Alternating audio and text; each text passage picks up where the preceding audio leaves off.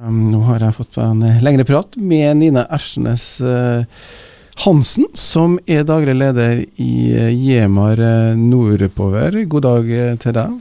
God morgen, god morgen. Ja, du har tatt turen opp fra Sørsundbrua, eller iallfall under Sørsundbrua, hit til oss her i studio på Folkens hus. Um, Jemar Nordpover holdt det godt over 100 år under Sørsundbrua. Hva er det de holder på med der? Ja, hva holder vi på med under uh, Sørsundbrua? Vi uh, bygger båter, fiskebåter, sjarker. Så bygger vi arbeidsbåter innenfor olje, kabellegging. Um, uh, og så har vi da ei kran, som kanskje noen har sett. De seiler inn langs uh, Sørsundet. Der bygger, løfter vi båter til servicenæringen, til oppdrettsnæringa. Men først og fremst så er det jo bygging av båter, og eh, da vi, snakker vi om eh, Malosjarken blant annet, i hvert fall det som har vært utgangspunktet. Og det er noe man har holdt på med siden det ble veldig populært med plastposer på 60-tallet. Dere har en Malosjark. Hva er det som er bra med den, da? Malosjarken han hadde sin opprinnelse i snaupflota den gangen på 60-tallet. Nå skal vi gå litt tilbake. På 60-tallet så var jo byen full av uh, sild. Og vi hadde jo ikke hydrauliske trøstere den gangen. Derfor så hadde En hydraulisk trøster? Noen som drar opp garnet? En sidepropell oh, ja. som styrer båten fra side til side. Og da måtte man jo ha arbeidsbåter til å hjelpe seg. Og de arbeidsbåtene de hang ø, oppi de store båtene og slo inn i skuttsida. Og når man skal stå, ligge og slå inn i skuddsida, da må man lage en sterk båt. Og på 60-tallet så starta man det. Det var mye eh, bedrifter i, på Nordmøre som starta med plastproduksjon. Og på Sørholmen så starta brødrene Malo med det. Og da måtte de være sterke, og det er noe av det som vi har tatt med oss videre i Malosjarken. At den er sterk. Han er håndlaga. Håndlaga den gangen, og håndlaga i dag. Og så har han veldig bra oppdrift. Ja, veldig bra oppdrift har han. Og han er sjøsikker, og det er, det er litt kjent sånn at når det er styggvær, så kan man skalke lukene og gå ut med en malårsark. For det er en trygg arbeidsplass. Nina er jo blitt eh, daglig leder i Hjemmer Nordpower, men har jo jobbet på salgssida. Kan vi høre eh, har, Hvor lenge har du vært i bedriften? Jeg flytta hjem til Kristiansund for syv og et halvt år siden. Og har da jobba med markedsføring og salg. Og øh, nå var vi der at øh, ja, tiden går, og øh, kanskje tid for litt generasjonsskifte. Ja, for det, eh, det er jo din far eh, Johannes Ersnes som er hovedeier og styreleder, da. Som, eh, han er jo blitt voksen, han òg? Ja da, voksen mann. Så øh, har jo ikke gått av på pensjon, men er i pensjonsalder. Så da må vi ha en litt flytende overgang her, at øh, nye krefter skal komme til. Ja, Du kommer jo inn som en ny generasjon eh, som eh, Men det er ikke sånn at eh, Johannes eller Ersnes har eid denne selskapet siden i 100 år? Nei, det har han ikke. Det var er, Når vi snakker om Malåsjarken, så er det fordi at det er Malo som starta den. Um, vi har eh, tilbake til 1917. Da var det han Kringstad og Malo som starta med, eh, med motorproduksjon. Um, du finner den på Nordmøre museum. Og på 650-56 eh, så ga han seg, og da uh, tok sønnen over, og ergo er det brødrene Malo. Og min far Johannes han kom inn for 10-15 år siden, 15 nå, og tok over da. Det har jo vært en uh, reise de siste 10-15 årene. Uh, nå er det fiskebåter som gjelder, men uh, du nevnte seismikk. Det var et bra marked en periode? Så absolutt. Det var ei, ei herlig tid med rock'n'roll i seismikkmarkedet. Og det var høy fart, mye tempo, mye salg, høy produksjon. For sju, et halvt, sju år siden så smalt det. Vi fikk oljekrisa. Og da var det noen som slo av lyset. Ja, for jeg så tallene. Det var i 2011-2012. Da var jeg borti 60 mm. millioner i omsetning. Eh, og så forsvant rett og slett markedet ut da i 2014. Helt bort. Men uh, det her har dere tilpassa dere til? Ja, det som vi, vi sier jeg vet ikke, Det er vel i Kristiansund. Vi får hive oss rundt. Og det gjorde vi. Um, under seismikktida så hadde vi ikke fokusert på malårsarken. Det var på tide å ta tilbake malårsarken Bare etterspørsel i markedet. Og vi hadde ei form vi visste var god på sjøen. En god sjøbåt. Så vi tok den forma, moderniserte henne og laga det vi de siste mange årene har solgt. 36 fot og 43 fot Malo. Så det her er en eh, Hvis vi skal kunne beskrive det Jeg syns det ser ut som en liten sånn firkantig kasse satt ut på havet som flyter rundt. da. Ja, um, av og til så må man uh, lide, ikke for skjønnheten denne gangen, men for uh, funksjonaliteten. Det er sånn at kvota heter 1099. Og for å få den, for den var opprinnelig 38 fot. Men for å få en 36 fot, så måtte vi trykke den inn i nesa. Så nå er den 1099. Og veldig mange fiskebåter du ser i dag, er butt i baugen, som vi sier. Det vil si at de er 10,99 for kvota. For da er det et eget altså Det må være eget marked, eller rett og slett en fordeling av en viss mengde fisk til den kvota? Er det det som er? Ja, riktig. Du har 10,99-kvote, og så har du 12,99. Og da er det at de må strukturere seg, fiskerne, i henhold til det, og, og ha båter i forhold til det. Og det er klart at da er det viktig å ha stort lasterom og båt på 1099. Så derfor er det mest mulig volum på de 10-11 meterne, for å runde av litt oppover? Ja. Um, når vi laga den første 36-fotingen med butt i baugen, så har vi et bilde hvor en gammel 35 fot Malo ligger ved siden av. Og han er dobbelt så stor, okay. selv om er bare én fot lenger. Så klart, det er mye volum. Det er tre single lugarer. Og det er gjort modernisering innenfor styrhuset.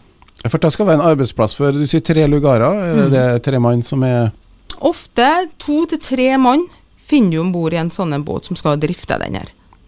Men, men hvordan er det med ballasten og sånn når du er sånn høy? Er ikke en ja, det, det, må litt ballast, det. Det er godt med ballast under. Er det.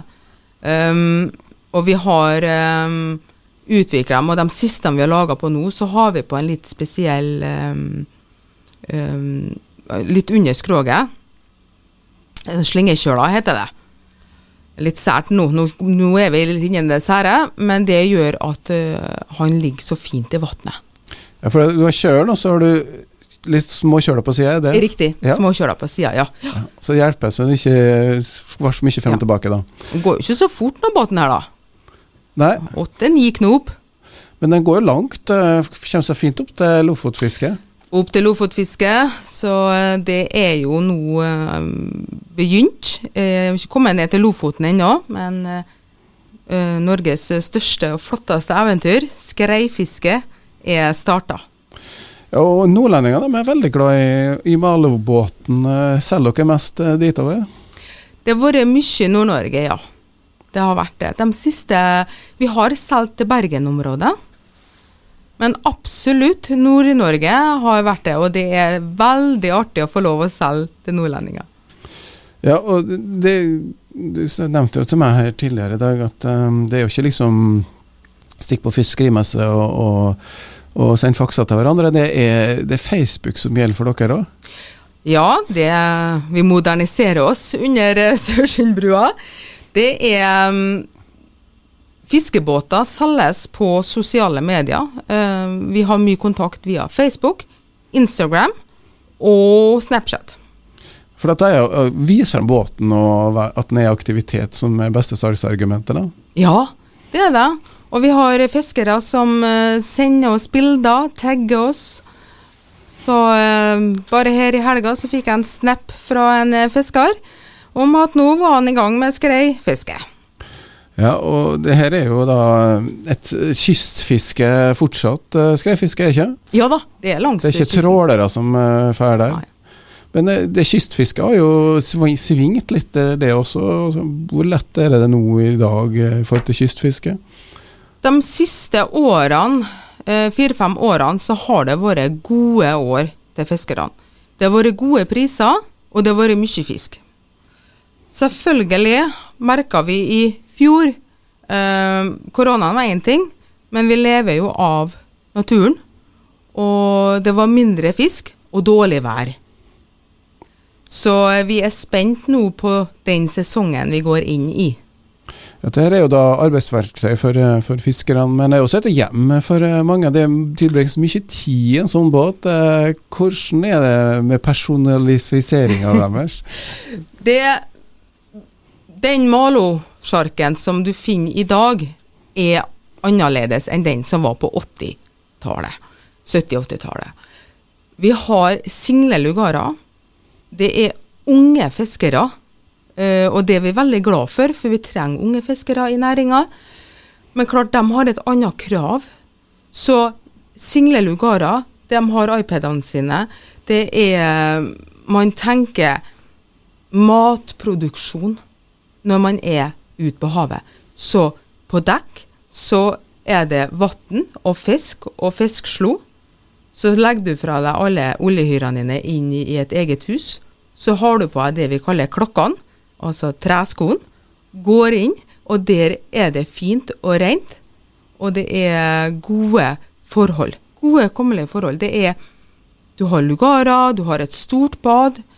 Jeg bruker å si det at uh, hadde jeg hatt det som hybel den gangen jeg bodde i Oslo, da hadde jeg bodd for det fint. Ja, men det er en hybel som koster noen kroner. Hva koster en gjennomsnittlig båt? Det er vel litt avhengig av utstyret, men Litt avhengig av utstyret, men du må nok opp i en 11-12 eh, millioner, ja. Skal du ha en malårsark i dag. Det er en høvelig eh, hybel, det. Skal ta litt, en kjapp liten låt her. 'Glass Animals', 'Heatwaves'. Ja, det var 'Heatwaves', 'Glass Animals'. Helt tilfeldig valgt, og har ingenting med at vi tenker at det må være kaldt og være fisker, men det er slutt på den tida? Jeg tror ikke det er slutt på dekk, men det er slutt når du kommer inn. Det er gode, god varme, og det er Tanken litt er at du skal ta yachten litt inn i sjarken. Gjøre den litt eh, lekker. Gjøre det behagelig. Det er en arbeidsplass. Du er vekk kanskje to måneder. Du må ha plass til å ha klær. Du skal vaske klær. Du skal ha, eh, du skal ha ditt eget eh, rom, for å si det sånn. Så må vaskemaskiner? Ja da.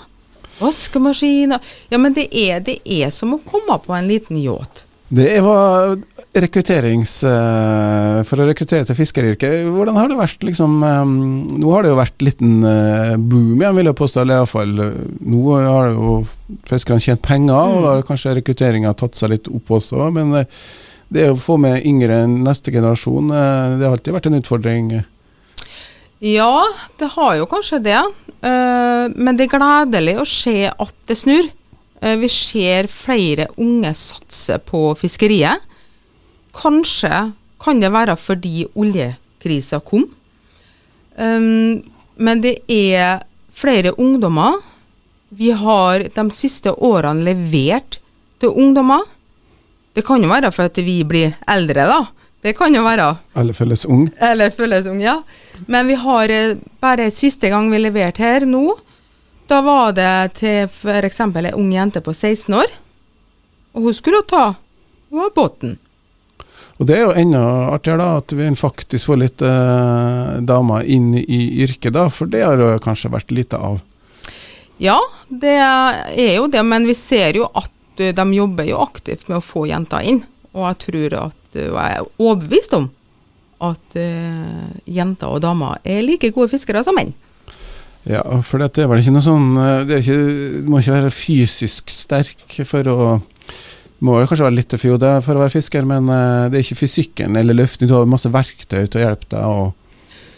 I dag så uh, Nå skal ikke jeg gjøre meg så klok på selve fiskeriet, Eh, men når vi bygger båtene, så snakker vi mye med fiskerne. Og vi snakker om hvordan man skal lage det til et god arbeidsplass med minst mulig løft, minst mulig ta bort i fisken, og bevare kvaliteten i fisken. For det er mat du produserer.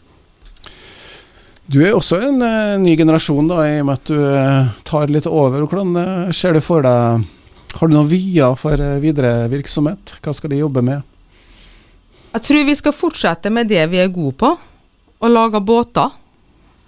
Og så må vi nok begynne å kikke litt på forskjellige fremkomstmiddel, vi også.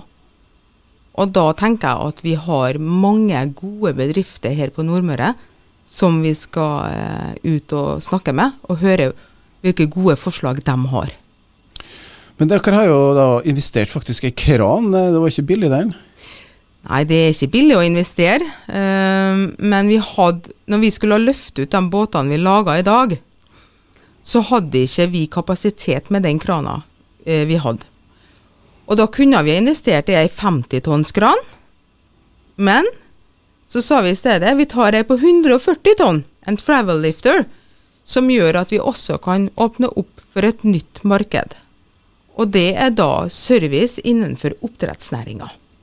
For de har behov for å løfte båter og ja, Hvordan er reglene for flytting av båter til ene området til det andre? Når de skal forflytte seg fra et område til et annet område, så må de desifisere seg. Og da er det Og det er lakselusa som gjør det? Lakselusa, ja. ja. Uh, og bakterier. Så da um, skal de forflytte seg fra ei merdeområde til et annet. Så må de eh, opp. Og da er det klart å komme ned på Sørholmen, nært, istedenfor å reise fire timer. Kanskje du skal opp på en slip. Ned til oss. Opp. Desinfisere. Sett ned. Og ut til neste merde.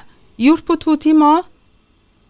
Og da er du allerede i gang, så du slipper å ha folk som venter.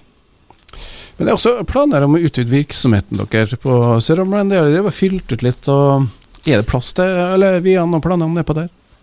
Jeg tror det er viktig at man har via planer. Uh, nå er det sånn at de båtene vi bygger Som jeg sa tidligere, vi tok en gammel 35-foting ved siden av en 36-foting, så den dobbelt så stor. Og det er klart det at når du skal bygge en som er dobbelt så stor inni hallen, så begrenser det seg hvor mange båter du kan bygge. Så da må man begynne å vurdere om man skal utvide for å få eh, muligheten til å imøtekomme det markedet og det markedet etterspør. Og det er større båter. Men det er såpass at de føler at, eh, eller mener da, at de kan uh, satse på at de egentlig kunne ha levert flere båter, er det du sier? Sånn som de siste årene har vært, så har vi hatt problemer med å kunne produsere. Nå er jo sånn, den er jo hjem, øh, den er jo håndlaga. Det tar ni måneder å lage en malosjark.